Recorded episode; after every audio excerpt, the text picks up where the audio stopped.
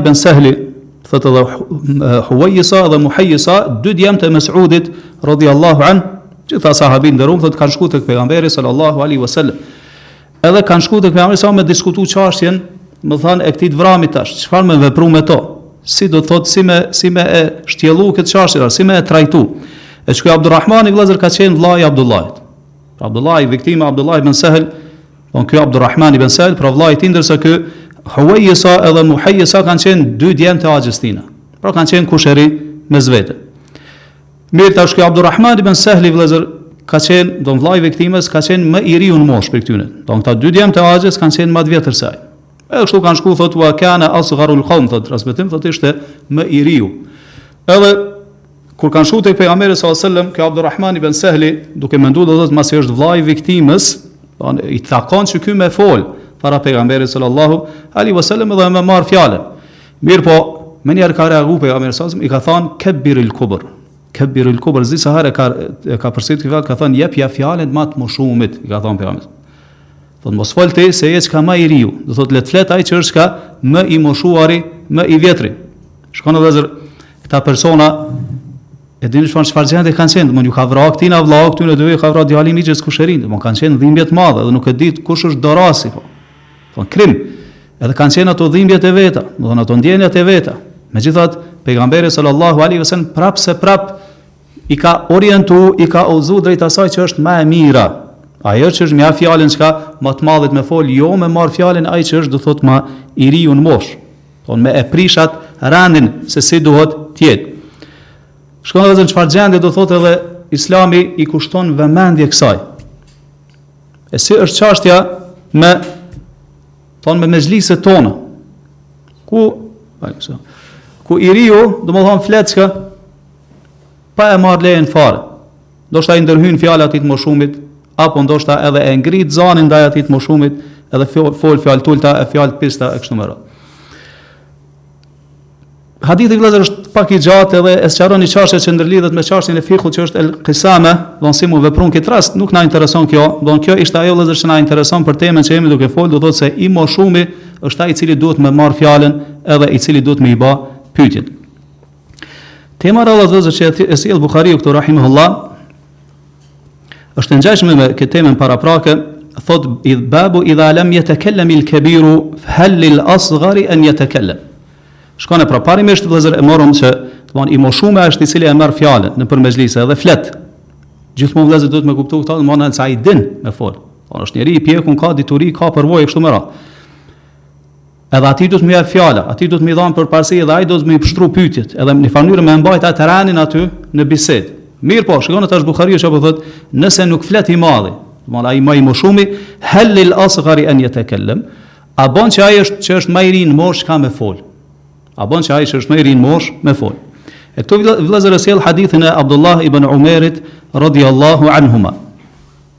Pra vëllezër pra e morëm pra se pari parimisht domthon duhet me fol i moshumi.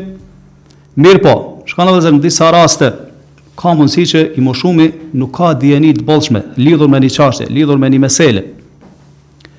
Edhe ai hesht. Në këtë rast Buhariu po don me na tregu rahimahullah që nuk ka gajle që ai që është ma i ri në mosh me fol. Mirëpo, gjithmonë vëllezër duke iu përmbajt çka edukatës, do thotë mos me i parapri atij të moshumit, mirëpo me iu përmbajt edukatës, kur t'i vjen rasti, domethënë edhe e vren se ata të moshumit po heshtin, atëherë ky flet, edhe e jep mendimin e vet, edhe jep domethënë atë dijen që ia ka jep Allahu subhanehu wa ta'ala.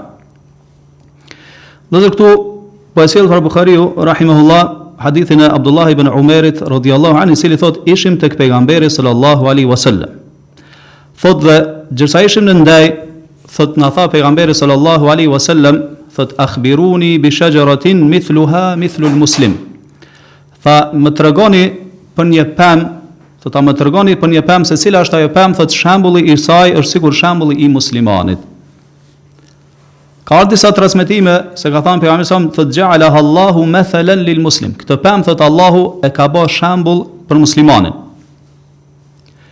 Disa transmetime tjera, do se për me kuptuar ngjarjen vëllazër, do të se sa do të me kuptu gjitha ato rrethanat e ngjarjes duhet me i bo bashk gjitha transmetimet.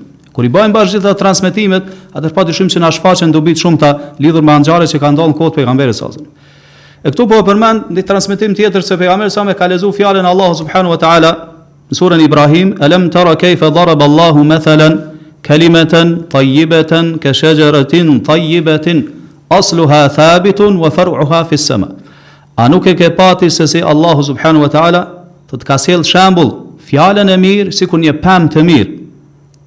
Thot as, asluha thabit, rrënjt i ka dmth të qëndrueshme, të ngulitura, i ka të forta në tokë, thot wa faruha fi sama, ndërsa degët i ka të zgjatura në qiell. Thot tu'ti ukulaha kulla hinin bi idhni rabbiha. Thot kjo pemë është e tillë thot Allahu që frutat e saj i jep në çdo kohë me lejen e Zotit të saj,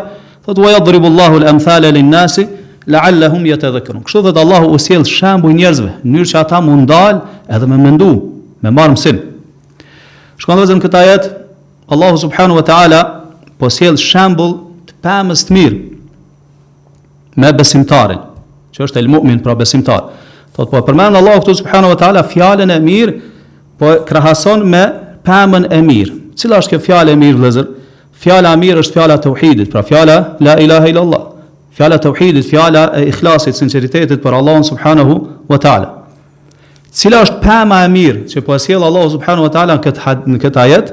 Këta na sqaron hadithi i Abdullah ibn Umerit që do ta marrim tash, ku e sqaron se qëllimi është domthon trupi i palmës së hurmës.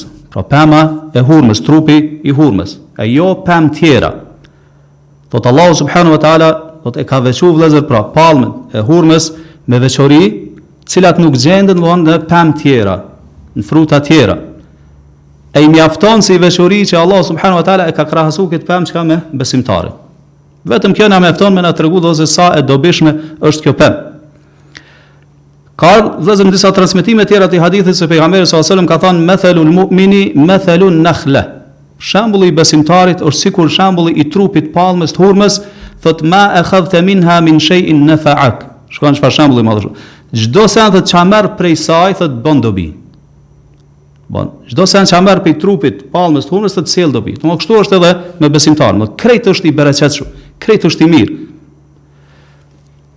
Do po do me tregu këtu pejgamberi sa se krejt pjesët vëllezër të hurmës, apo trupit hurmës janë të dobishme. Po kurgjë nuk shkon poshtë. Siç do ta marrim më vonë se arabët si e kanë shfrytzu do thot trupin e palmës hurmës dhe kurgjë prej pjesëve saj nuk ka shku poshtë. Krejt domethan ka pas këto dobi edhe bereqet.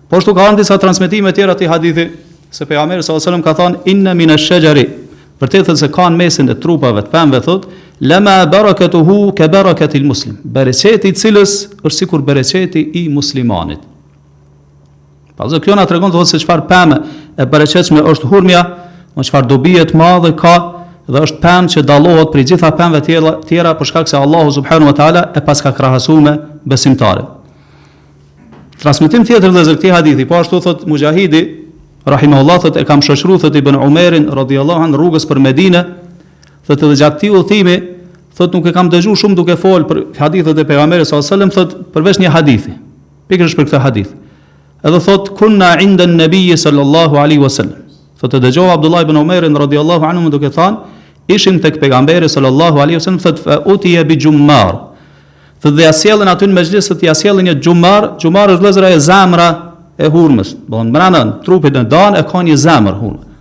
Edhe është shumë e këndshme e ëmbël me hangër, domethënë shumë e mirë, edhe shumë e shëndetshme. Domthon tash domethënë këto studimet bashkëkohore të mjekësisë e pohojnë këto se është shumë e shëndetshme.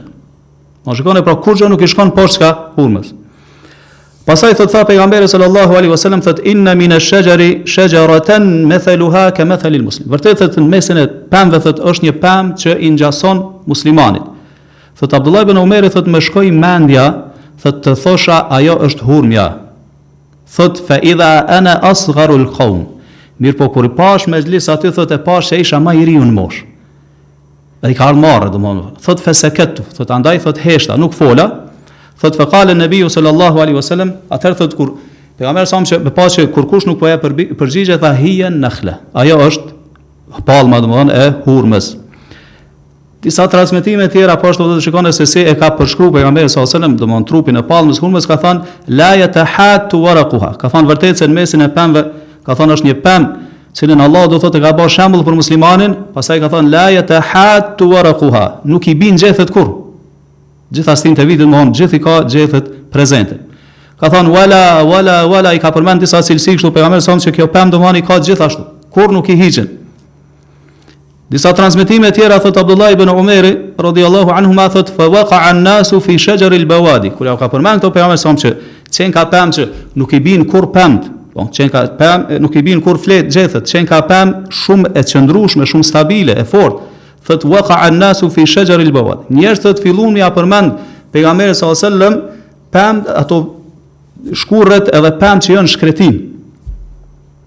Kështu i ka shku mendja menjëherë. Pse? Se zakonisht vëllezër ato pemë që janë shkretin, Allahu subhanahu wa taala i ka kriju tilla që janë të forta, janë stabile do të thotë me qëndru aty në kushteve ekstreme, nxehtësisë dhe do të thonë ujit të paktë kështu me radh.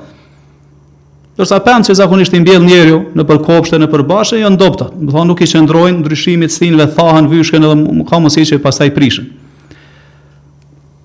Ajo çfarë është vëllazër më e çuditshme, po nëse po përmendet në transmetim që pejgamberi sa selem ja kanë sjell këtë zemrën e palmës të hurmës edhe e ka hangër, pastaj e ka e ka bë këtë pyetje. Edhe megjithatë, kurkujt pi sahabive që kanë qenë aty prezent nuk i ka shku mendja se ajo është hurmja po. Mirëpo kanë filluar do thotë me i përmend shembuj ndryshëm. E këta pejgamberi selem qëllimisht e ka bë, Domthon që ata me pa duke e ngrënë këtë pjesë të hurmës, në mënyrë me e përdorë ta si metodë, domthon që me ia ofru atë që po don tash, me ia jep këtë mësimdhënie madhështore. Shikoni vëllezër, thot Abdullah ibn Omeri, thot mu thot um shkoi mendja se është hurmja. Domthon pema e hurmës. Shikoni vëllezër zakonisht nëpër ndeja kur ai që domthon është mësuesi apo hoxha apo kushdo të qoftë e bën një pyetje kështu mënyrë që kush e din çka mu përgjigj, zakonisht njerëzit kapen çka nga entuziazmi, emocionet edhe në moment që ai mendon se po e din përgjigjen çka ai e jep. Apo po nuk e shikon edukatën çka të mexhlisit. Edhe nëse është dikush çka më i vjetër, ky ndoshta ai që është e vërej është fëmijë ose diçka tjetër nxiton, sidomos kur përmendet naj pyetje që që ka diçka ndonjë kuriozitet a diçka, secili mundohet me e jep atë përgjigjen e vet në mënyrë që me e shfaq atë domethënë mendjemprehtësinë e vet, atë zgjuarsinë që e ka. Pa marr parasysh do thotë a kanë mexhlis aty njerëz më të moshëm apo jo. Mirëpo shikoni vëllazër edukatën e Abdullah ibn Umerit radhiyallahu anhuma. Thot mu thot, më shkoi mendja se ajo është pema e hurmës. Mirëpo çfarë e ka zbraps thot që mos me e dhan vëllazër këtë përgjigje, Pa dyshim është turpi vëllezër, edukata e madhe në cilën e ka eduku Omeri radhiyallahu anhu. Tregon vëllezër do thot çfarë edukate të lartë kanë pas shokët e pejgamberit sallallahu alaihi wasallam. Përndryshe vëllezër siç tham, këto momente, këto rrethana, njeriu do e gjen veten se do vetja e vet e nxit që ai mu përgjigj. Mirëpo thot fekarihtu an atakallem. Thot e urreva thot për veten time që të flisja. Abdullah ibn Umeri. Pse thot wa thamma Abu Bakr wa Umar radiyallahu anhu. Kur në mesin e njerëzve ishte Abu Bakri edhe Umeri radiyallahu anhuma. Thot falamma lam yatakallama, thot edhe kur nuk folën ata, pastaj tregon se si pejgamberi sallallahu alaihi wasallam e ka dhënë përgjigjen thot se ajo është trupi i palmës së hurmës. Shikoni vëllezër çfarë respekti e ka pas për njerëzit që janë më të moshum. Po tregon se aty ka qenë prezent Abu Bakri, Umeri radiyallahu anhu, po ashtu sahabë tjerë.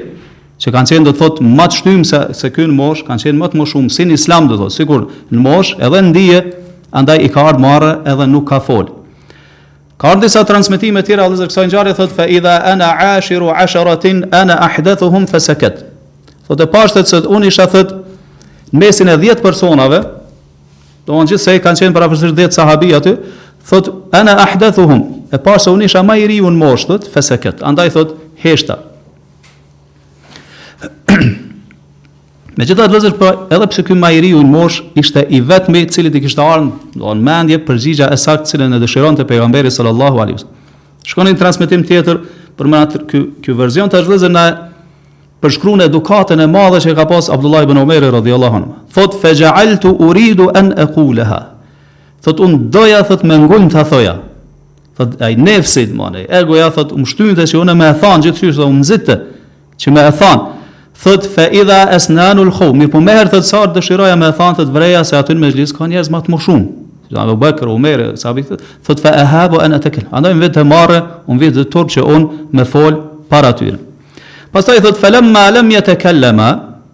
E kur thotë ata dy nuk folën Ebu Bekri dhe Omeri, thotë në transmetim tjetër lamma sakata al-qawm, kur krejt ata që ishin pranishëm thotë heshtën, thotë pejgamberi sallallahu alaihi wasallam tha hiya nakhla. Ajo pemë që unë po dëshiroj përgjigjen ju me ma dhanë mua është hurmja, pra trupi i palmës së hurmës.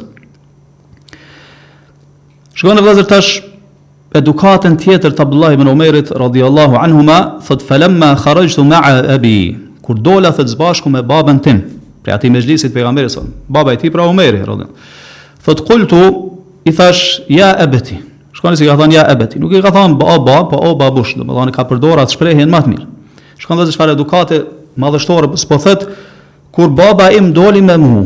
Mirë po çfarë po thotë kur unë dola çka me babën tim? Çka na më kuptu domos se ai ka qenë i parë ky shkon çka pas babës vet gjithmonë. Kështu ka qenë vëzër edukata edhe shokët pejgamberin sa sërëm që ka me pejgamberin sa sërëm. Kër e përshkrujnë ajnë nejnë cilën kanë qenë me pejgamberin sa sërëm. Nuk ka thonë pejgamberi a.s. ishte tek ne. Mirë po që ka thonë ne ishim tek pejgamberin sa sërëm. Ne ishim me pejgamberin sa sërëm. Jo pejgamberin sa sërëm që ka ishte me neve. Me tregu që ai është domethënë i pari na i kemi shku çka pas, kemi qenë gjithmonë çka pas tina. Shikoni edhe domethënë edhe mënyrën se si janë shpreh, po i kanë zgjedh shprehjet. Çfarë edukate madhështore kanë pas sahabët. Sikur ky kishte thënë wa kharaja abi ma'i baba im doli me mu, çka i bjen kjo? Që ky u ka domethënë baba e ka ndjek këtë po. I ka shku pas tina. E kjo është edukatë e mangët vëllezër pa dyshim. Shikoni po i thot ja abati waqa'a fi nafsi an-nakhla.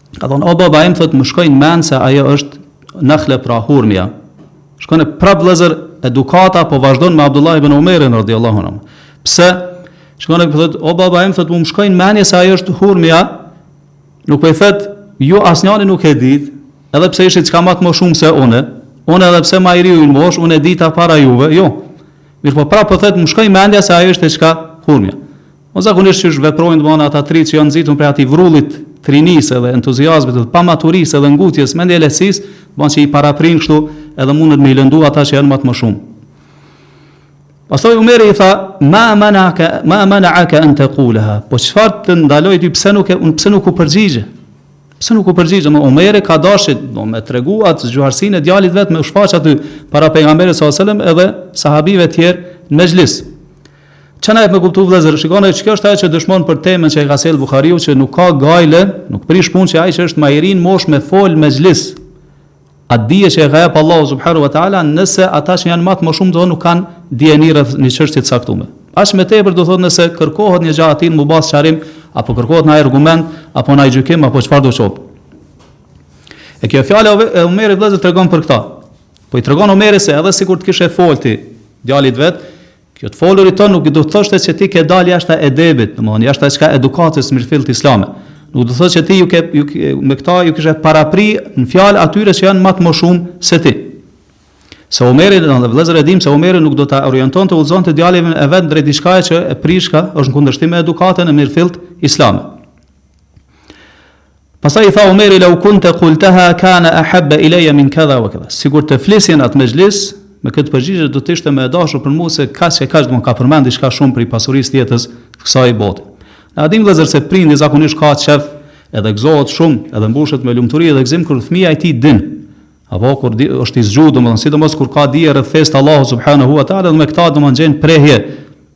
Edhe i mbushet zemra me gëzim. Që ata dhe vlezër, dy persona domethënë kanë qef me e pa dikon ma mirë se veten. Domethënë prindi ka qef me pa ma mirë se veten çka fminë e vet, kuptohet, domethënë nëse është në suazat normales, po ashtu edhe mësusi çka nxansin e vet. Ka qef me pa domethënë që ai m'u ba ma i zoti se, se mësusi i tij edhe po ashtu baba ose nana kanë qef me pa fmitë e vet ma të zotë se ata. Thotë, Ma mena'ani, ju ka përgjigj Abdullah ibn Omeri, thotë, Ma mena'ani illa lem araka, wala eba bekrin tekellemtuma fe karihtu. Thotë, s'më kanë pengu diçka tjetër, m'u përgjigj, mirëpo e pashë se, thotë, as ti, e as Abu Bekri nuk u përgjigj, nuk folët, thotë, andaj, thotë, unë e urreva që të flisja para juve. Domethënë, edukatë e madhe, edukatë virtyte madhështore që tregon, vëllezër, për edukatën që ka qenë, e mbjellun tek shokët e pejgamberit sallallahu alaihi wasallam.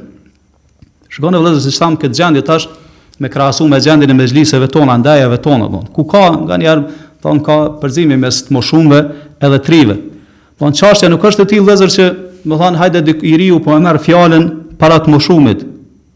Nuk është, domethënë, nuk umet kjo aq shumë tragjike, edhe pa edukat sa është ajo që, domethënë, i riu nganjëherë çka e ngrit zanin, ndaj të moshumit, domethënë, është edhe ofendon, edhe e fyn me fjalë, e kështu me radhë. Shikoni vëllezër këtë hadith madhështor, pejgamberi sallallahu alaihi wasallam po tregon se paska ngjashmëri mes besimtarit edhe hurmës, trupit të palmës së hurmës. Pra siç thamë vëllezër kjo është pemë e mirë, pemë e bekuar që Allahu subhanahu wa taala e ka bë shembull për besimtarin. Dhe përderisa e paska krahasu Allahu po ashtu edhe pejgamberi sallallahu alaihi wasallam, atëherë vërejmë se këtu paska aspekte të ngjasimit. Përderisa paska krahasim, atëherë paska diçka që i bashkon. E prej këtyre e vërejmë vëllezër se Allahu subhanahu wa taala në ajetin që e lexuam në fillim i ka përmend katër forma ku besimtari i ngjason kësaj pemës të mirë pra hurmës. Katër mënyra, katër aspekte. Pra shikoni vëllezër Allahu thot Daraballahu mathalan kalimatan tayyibatan ka shajaratin tayyiba. Thot Allahu subhanahu wa taala ka sjell shembull fjalën e mirë Po, fjalën e tauhidit, që me këtë kihet për qëllim edhe besimtari dhe që e thotë atë fjalë, thotë, ka shajaratin tayyiba, sikur një fjalë e mirë, sikur një pemë e mirë, cila është kjo pemë e mirë, vëllezër, e morëm, domethënë në bazë të asaj që na sqaroi hadithi i pejgamberit alejhi selam, kjo është pema e hurmës, pra është pemë e mirë, vëllezër, është pemë e mirë, është e bukur me e pa, domethënë edhe në pamje, po ashtu është e mirë, e bukur edhe, domethënë frutat që i ka, i ka të këndshëm, edhe të shishëm, Po ashtu është e mirë në atë aspektin se është e fuqishme vëllezër. Edhe i përballon kushteve ekstreme atmosferike, ngjashëm sikur besimtari vëllezër çka me besimin e tij. Po është e mirë vëllezër është e bereqetshme në të gjitha pjesët e saj. Dobia e saj është gjithëpërfshirëse. Çka, përpara vëllezër arabët kanë përfituar prej çdo pjese të hurmës. Për shembull, trupin e saj e kanë përdorur me i bë ato shtyllat e shtëpisë. Degët e saj, së bashku me fletë, i kanë përdorë me i ba çka? Kulmat. Kështu ka qenë edhe xhamia e pejgamberit sallallahu alaihi wasallam. Po ashtu prej fletave të saj kanë thurë çka? Shtroja të ndryshme, hasra. Po ashtu edhe enë kanë ba prej tyre. Po, po prej atyne bërthamave të saj i kanë ushqy çka devet. Domethënë çdo pjesë e, e hurmës nuk ka shku poshtë është shfrytëzu. Është pemë të jetë e bereqetshme ashtu sikur besimtari. Edhe kështu vëllezër pra është besimtari. Domethënë është i bereqetshëm, është i bekuar ashtu siç thot Isa alayhis salam për veten e vet thot wa ja'alani mubarakan ayna ma kunt. Thot Allah më ka bë mu të bereqetshëm kudo që të jem. Ashtu vëllezër besimtari. Kudo që të jetë, besimtari i mirëfilltë domethënë është i bereqetshëm se njerëz të tjerë përfitojnë prej tij, prej veprave të tij, prej dijes së tij e kështu me radhë. Aspekti i dytë vëllazër që po përmend Allahu thot asluha thabit, thot rrënjët e saj janë qëndrueshme, janë stabile. Kështu vëllazër është edhe, do thot me besimin në zemrën e besimtarit. Thot ka rrënjë të thella, është stabil, është i qëndrueshëm në zemrën e tij. Çka, tash domethënë sa ma të thella që janë rrënjët e trupit të palmës hurmës, çfarë do ndodhë domthon me trupin e saj? Ka me kanë, ka me u rrit më shumë vëllazër? Ka me qit çka degë më shumë?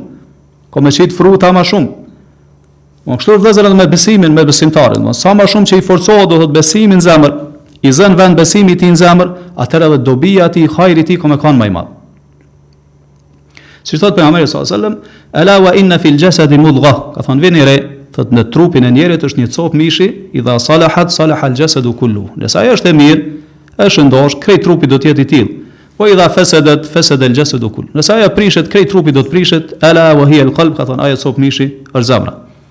Pra dhe zemra, kur mbushet me iman, pa tjetër që kanë mu pa gjurëmët, kanë mu pa gjurëmët, dhe në gjymëtyrë të njerët, fjallë të njerët, veprat të njerët, ashtu sigur, dhe më dhe një forcohen rënjët palmës së hurmës. Aspekti i tretë vëllezër i përngjasimit, Allahu po thotë wa far'uha fi sama. Edhe degët i ka të ngritura lart në qiell, në drejtim të qiellit. Po vëllezër na e, e shohim domethënë se hurma ka degë të shumta. Edhe degët i ka çka? Në mënyrë të ngritura lart.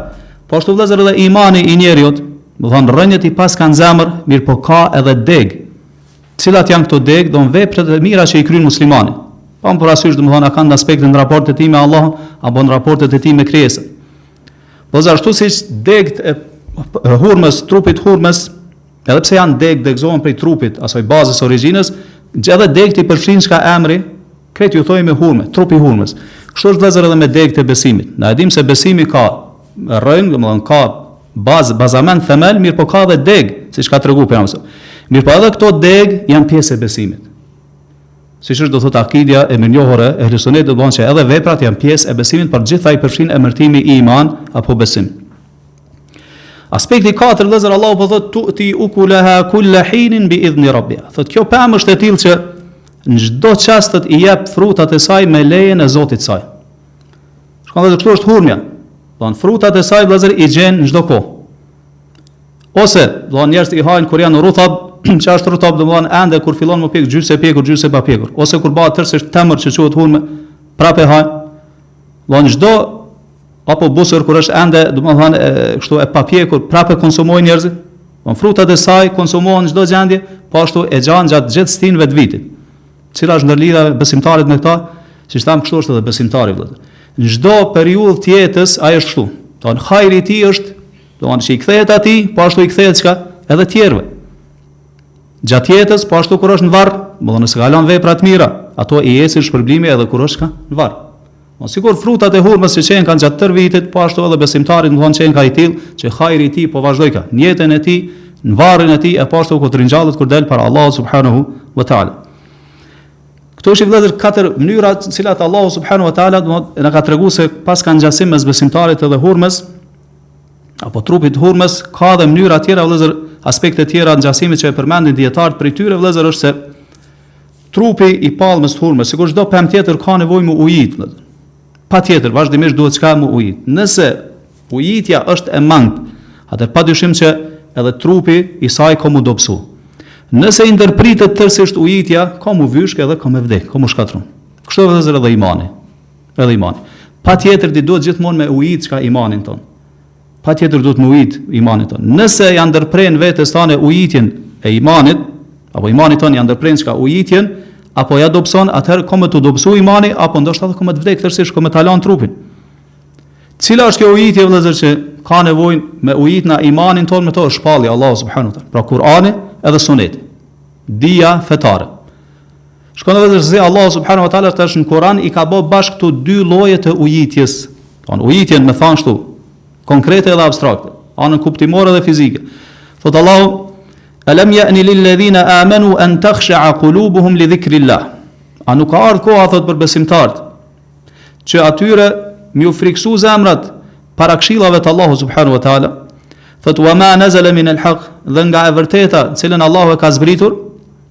Shiko Abdullah ibn Mas'udi thot radhiyallahu anhu thot mes nesh thot dhe zbritjes së ajeti dhe hyrjes tonë në islam thot s'ka pas më shumë se 4 vite. Shiko 4 vjet kanë kaluar veç që kanë hyrë në islam edhe Allah ka zbritur këtë ajet po i qorton shokët e pejgamberit sa.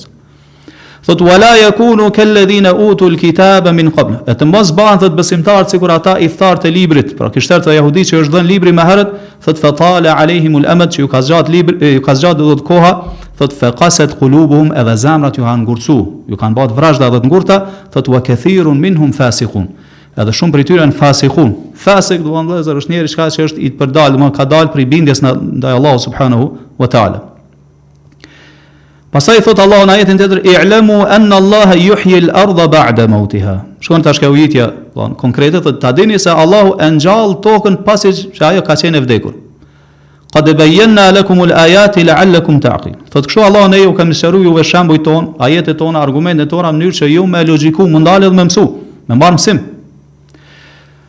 Shkon vëllezër, po fillimisht Allahu po e përmend, domethënë çështjen që ndërlidhet me shpalljen.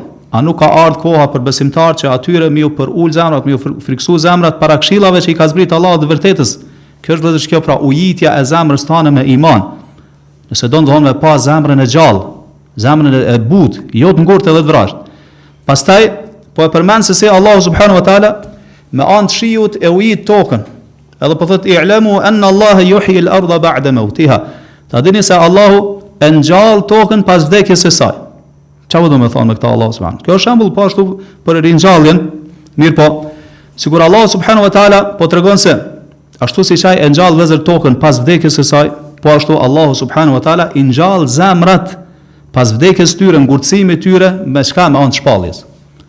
Me Kur'anit edhe sunetit të pejgamberit sallallahu alajhi wasallam. Do thotë ashtu vëllezër pra sikur trupi i palmës, hurmës pra ka nevojë vazhdimisht m'u ujit. Ashtu ka nevojë pra edhe imani i njerit vazhdimisht me ujit, ajo uji çka e ka shpalli Allahu subhanahu wa taala. Po ashtu vëllezër, imani kanë thënë dijetarët është pemë e mirë sepse Toka në të cilën mbillet është e mirë, ajo është zemra e besimtarit. Po ashtu kanë thënë imani i njerit ka rrënjë, e këto rrënjë janë ato usulul iman, es-sitte, do të thonë gjashtë shtyllat e imanit, që kanë ardhur në hadithin e Xhibrilit. Po ashtu imani ka degë vëllezër, siç thamë këto degë janë gjitha punët e mira që i kryen njeri edhe gjitha i përfshin emërtimi i imanit. Po ashtu ka edhe frutet të shijshme dhe këto frute vëllezër që i vjel muslimani prej imanit t'tina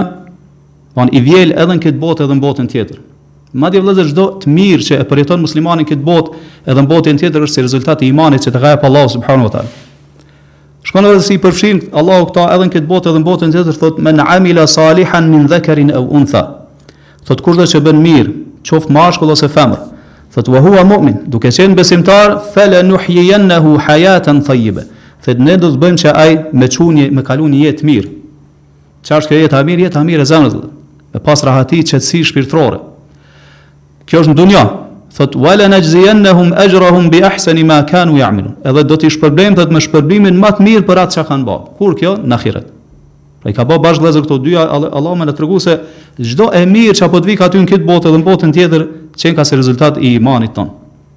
Pastaj vëllezër, duhet na me e ditë dhe me kuptu mirë si musliman se sa më shumë që forcohet lidhja e besimtarit me shpalljen e Allahut subhanahu wa taala, me librin e Allahut dhe me sunetin e pejgamberit sallallahu alaihi wasallam, edhe kjo pemë e besimit në zemrën tonë ka mu forcu vëllezër, ka mu zhvillu, ka me lshu rrajë domethënë më thellë, ka me kanë më stabile edhe më qëndrueshme, ka me pas degë më shumë, ka me pas fruta më shumë e kështu me radhë.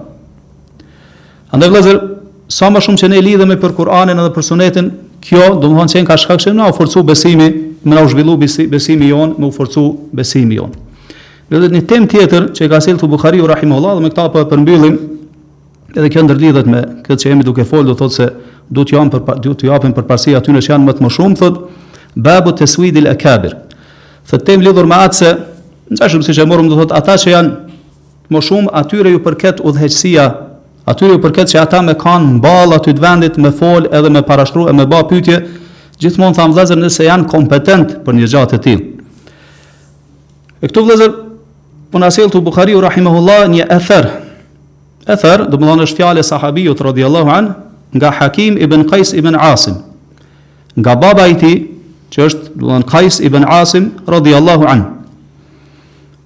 Që ky vëllezër Kajs ibn Asim radhiyallahu an ka qenë person do thon edhe në xahiliet u kanë zotni i fisit, t'kabilës së vet. Edhe pejgamberi sa selam e ka qujt ashtu që është zotria e atij fisi. Pse? Se u kanë njeri shumë i mençëm, do thon u kanë njeri shumë i urtë edhe i matur nuk është ngutë, u kanë shumë i butë. Don ka edhe u kanë shumë bujar, dorëdhanë, ka shpenzu shumë, xhymert që i themi ne, mirëpo edhe ka gjyku domethonë mes njerëzve, ka pas dituri, i ka dhonë shto Allahu urtësi, mirëpo ka qenë jobesimtar. Mirëpo, shikoni vëllezër Ahnefi, Ahnefi, el Ahnef, që merret shembull për atë maturinë, mosngutjen, kur e kanë vetë, prej nga e ke mësu, ka thonë prej qitij Kajs bin Asim. Unë që është domethonë, pas s'ka pas njeri hala ma t'matun se ky, ky sahabiu i nderum. Mirëpo, ky vëllezër ka qenë jobesimtar, mirëpo, alhamdulillah, Allahu do të thotë ja ka mundësu me e pranu islamin. Si e ka pranu islamin, dhe shikoni edhe ky në xhahilijet, kur ka qenë jobesimtar, u konë shumë i dhanun mas pijes, mas pirjes të alkoholit. Sikur domethonë shumica e arabëve që kanë qenë. Mirëpo çfarë e ka shty që ky me ndërpre pirjen e alkoolit vëllazër është një ngjarje që i ka ndodhur shumë e keqe, domethonë kur ky ka pi alkool, edhe është deh. I ka bo disa veprime shumë të këqija. Domthonë një prej tyre është se e ka prek kështu qafën e vajzës vet Allahu na ruaj. Tjetra është që von ka shpenzu çka pasuri shumë të madhe, e s'e ka ditë çka po bën me to, Tjetra është që e kanë pa që duke ecë, duke vrapu në rrugë, edhe duke u zgjatë, duke mundu me mri çka hanën, duke kcy me mri, me mri do të thotë hanën, duke u zgjatë. Domethonë gjeste, që i dim që i bajnë njerëzit, domethonë që janë dehun, domethonë se njeri që është i dehun, vëllezër, nuk e ka mendjen, qata thotë Pejgamberi s.a.v.s. që njeri kur dehet, domethonë, ka mundësi që bën marrëdhanie edhe me nanën e vetë, me tezën e vetë, me hallën e vetë, Allahu na ruajt. Thonë, bëhet nivel, bëhet nivel ma t'ulët se kafshë.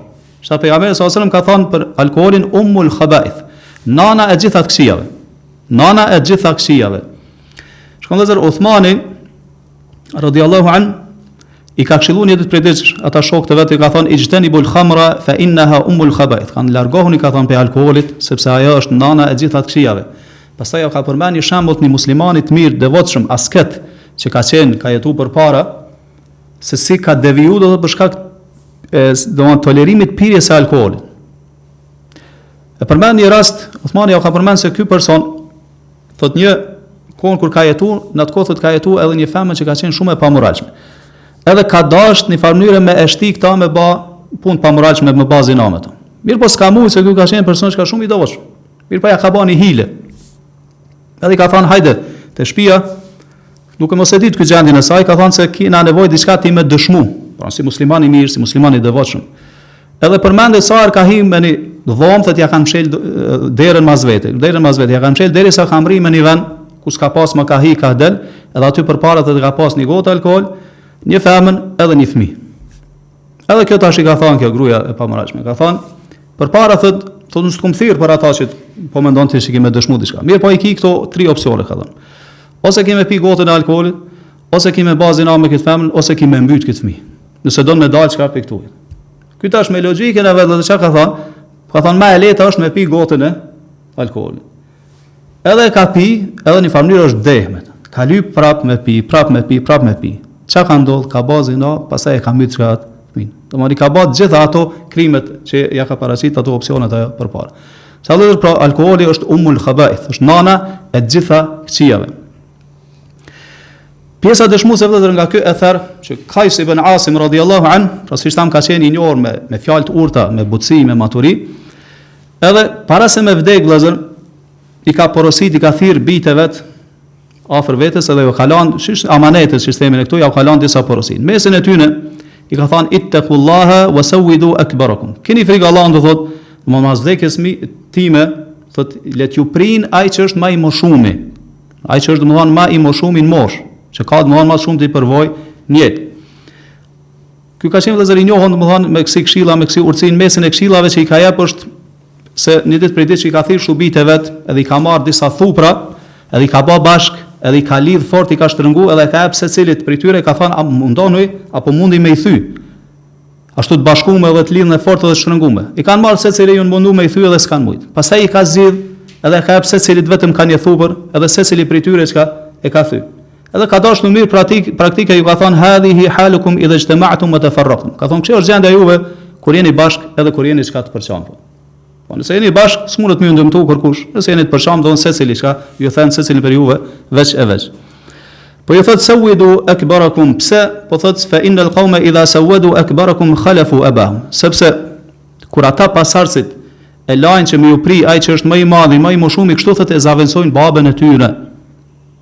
Do e zavendsojnë babën e tyre, i kryjnë domethanë, njëjtat punë të mira, i vazhdojnë njëjtat punë të mira, ku i ka lanë baba i tyne. Edhe kështu vazhdojnë, në to mirësi edhe në vlera. Pasaj ka thanë, wa idha seuedu asgarahum ezra bihim dhalike fi ekfahim. Sepse nëse e lajnë me ju pri ai që është ma i riu, do ma, ma pak me përvoj në jetë, thët, ezra bihim dhalike fi ekfahim. Ata njerës që janë sikur ta thot, nuk kanë me i marë seriosisht. Më. Se thonë këta e paskan lanë kjo familje me ju pri çka që është ai ma i riu, ma i vogli n'moshë thot edhe ma s'kanë me ju marrë seriozisht çka njerëzit. Edhe kështu vëllazër është çka realiteti, padyshim. Pastaj thë, ju ka thënë wa alejkum bil mali wastina'ihi. Shikoni vëllazër ka thënë përpiquni fort edhe mundohuni me kërku rrizkun. Domethënë mos m'u ba çka barrë mbi tjerët.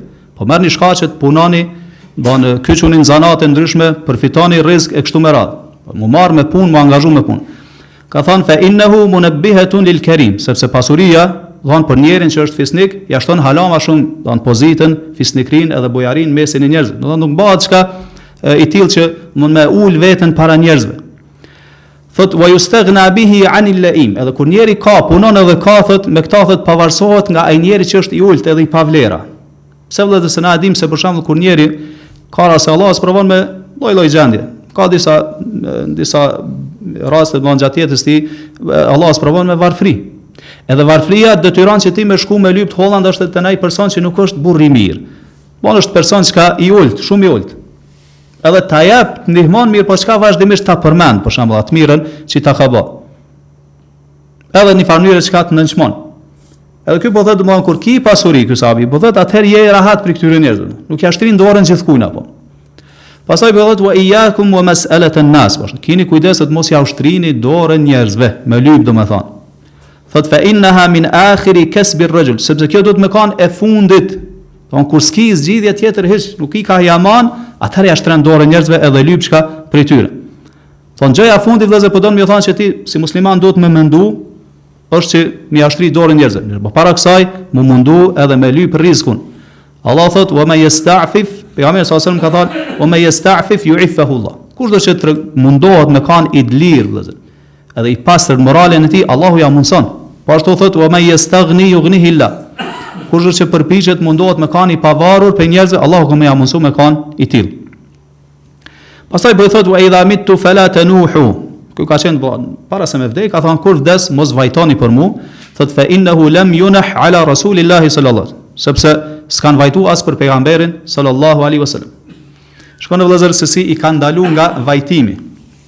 Na e dimë vëllezër se në fenë tonë vajtimi për të vdekurin është prej gjynaheve, mirëpo jo çfarëdo gjynah, është gjynah shumë i madh, prej gjynaheve të mëdha. Edhe siç ka tregu pejgamberi alejhi selam se është prej gjanave të xhahilijetit që kurrë s'ka me i lan umeti i tij. Domthon deri në ditën e kiametit, në mesin e muslimanëve ka me pas të tillë që kanë me vajtu për të vdekurin. Dhe dhe thot pejgamberi alejhi selam ka thon lejse minna men latamel khudud. Nuk është prej nesh ai i cili gjatë fatkeqsive thot e godet vetën.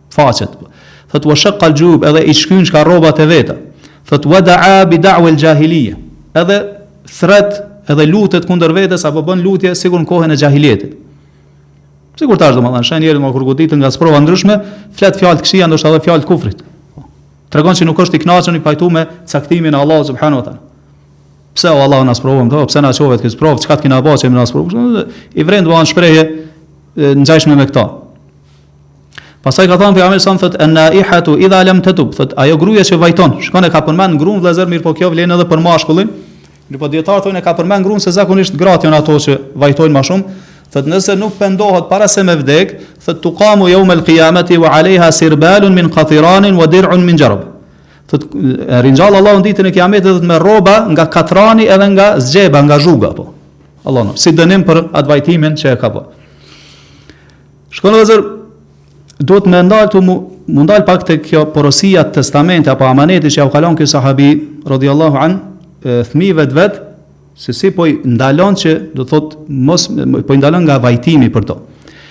Nëse i shikojmë porosit testamentet që i ka lon brezat e parë të islamit, gjitha vëllezër e gjejmë këtë pikë që e kanë përmend.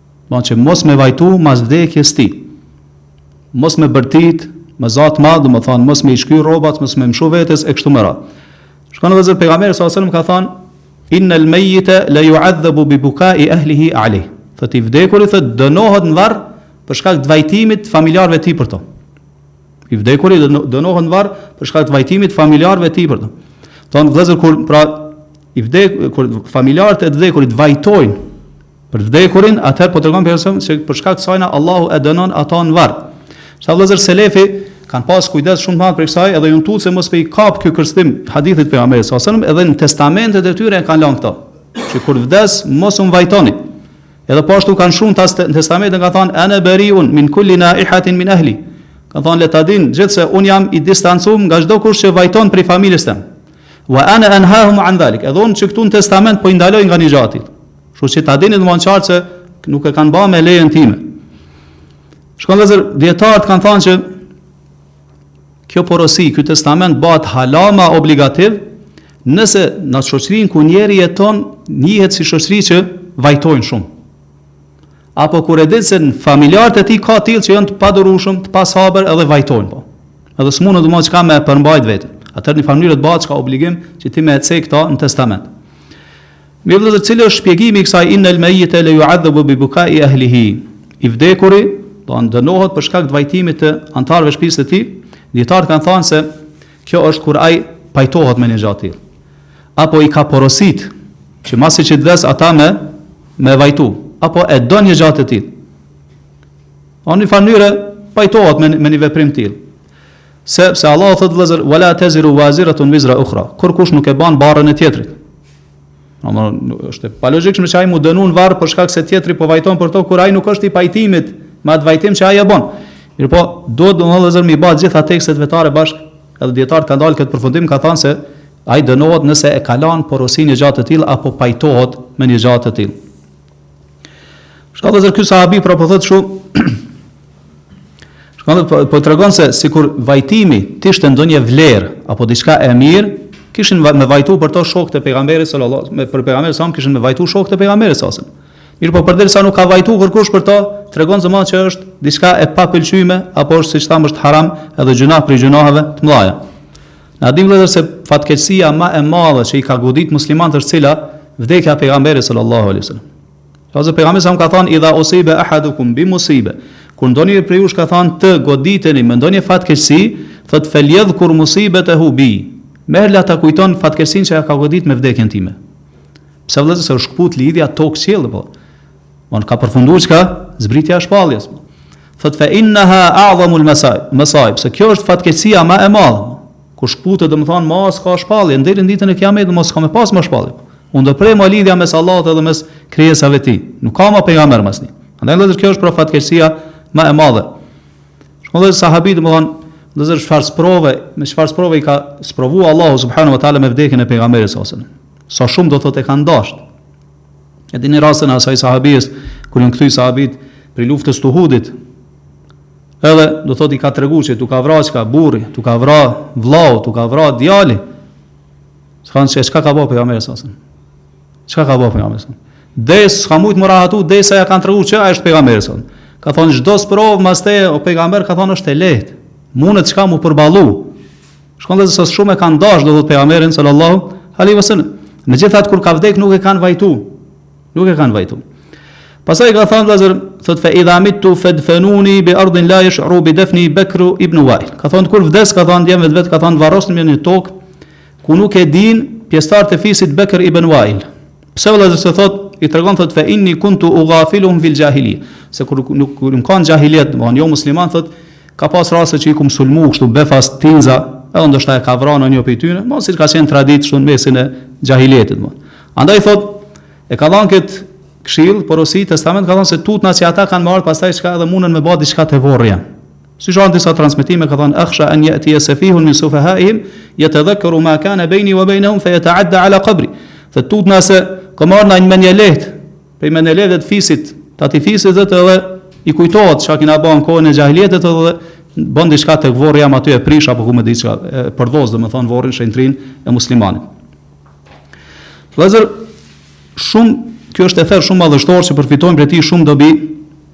E në mesin e dobive thamë që e përfitojmë është se sa e rëndësishme vëllezër është që ti si musliman me e lanë testamentin. Me e lanë testamentin. Kjo vëllezër është shumë e rëndësishme. Në origjinë vëllezër kjo është mustahab. Ma është diçka e pëlqyeshme, mirëpo bahet obligim. Kur bahet obligim kur ki ti drejta që duhet me ia kthy dikujt. Apo kur dikush ka hak për ty, që duhet ai me ta kthy. Kështu që duhet patjetër me pasi atë testamentin e shkrum, se njeri nuk e din kur i vjen vdekja. Sot bjen me fjet çohesh, domethënë nesër ka mundësi s'çohesh pe gjumit hiç. Kështu që nëse nuk shënohen drejtat, ato humbin vëllazër. Nëse nuk ka domethënë testament shkruar, çka i ki ti borxh dikujt, çka të ka borxh ty dikush, apo gjana të kësaj natyre, domthon hukuk që janë drejta ndërsjellat mes muslimanëve, nëse nuk shënohen vëllezër këto humbin. Andaj vëllezër feja islame do thotë i ka dhënë rëndësi shumë të madhe shkrimit të testamentit Dijetarët vllezër e kanë përmend që këto bëhen hala ma obligative, kur muslimanët jetojnë, apo ai i vdekur që do me vdek, e din që ju ka afru vdekja, jeton me një shoqni ku janë përhap bidatet. Edhe t'len testament, këtë ras, rast i bahet obligim vllezër, me lan testament që kur ta varrosin, mos me varros për shambull çka me bidate. Nëse i lajnë xhenazën, mos me ia la çka me bidate, për shambull. Mos m'i ba bidate çka te vorret qysh i bajnë këtu te na. Shkon vëllazër këtu njeri jeton ton jetën sipas sunetit, edhe e lën testament para se me dek. Mos m'varrosni me bidate, shkojnë familjarët çka e varrosin me bidate. Ai ton jetën e ka çu sipas sunetit. E ka mbrojt sunetin, i ka luftu bidatet edhe nuk ja përfillin fare domethënë testamentin. Apo ndoshta ka prej tyre që nuk e shkrun hiç. Mirpo nëse është testamenti i shkrum, atëherë domethënë edhe ata që janë pasues t'sunetit n'familje kanë ku kapen, edhe kanë dëshmi. Që edhe nëse thonë ata pse s'po i bëni bidate për shembull, ti ja tregon, që se ky para se me vdek ka lënë testament, që mos me ia vepru këto gjana tek vorrët. Dhe pejgamberi sallallahu alajhi wasallam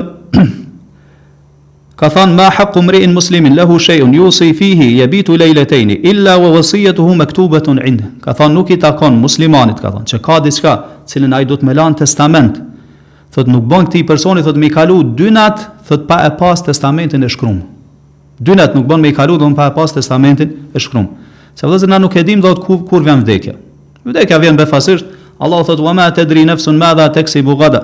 Kurkush thotë Allahu, kurkush nuk e din se çka me çka ka me bo nesër. Thotë wa ma tadri nafsun bi ayi ardin tamut. Kurkush nuk e din se ku ka me dek. Po vdekja vjen vëllazër befas, edhe kjo është prej gajbit që e di vetëm Allahu subhanahu wa taala. Tash vëllazër,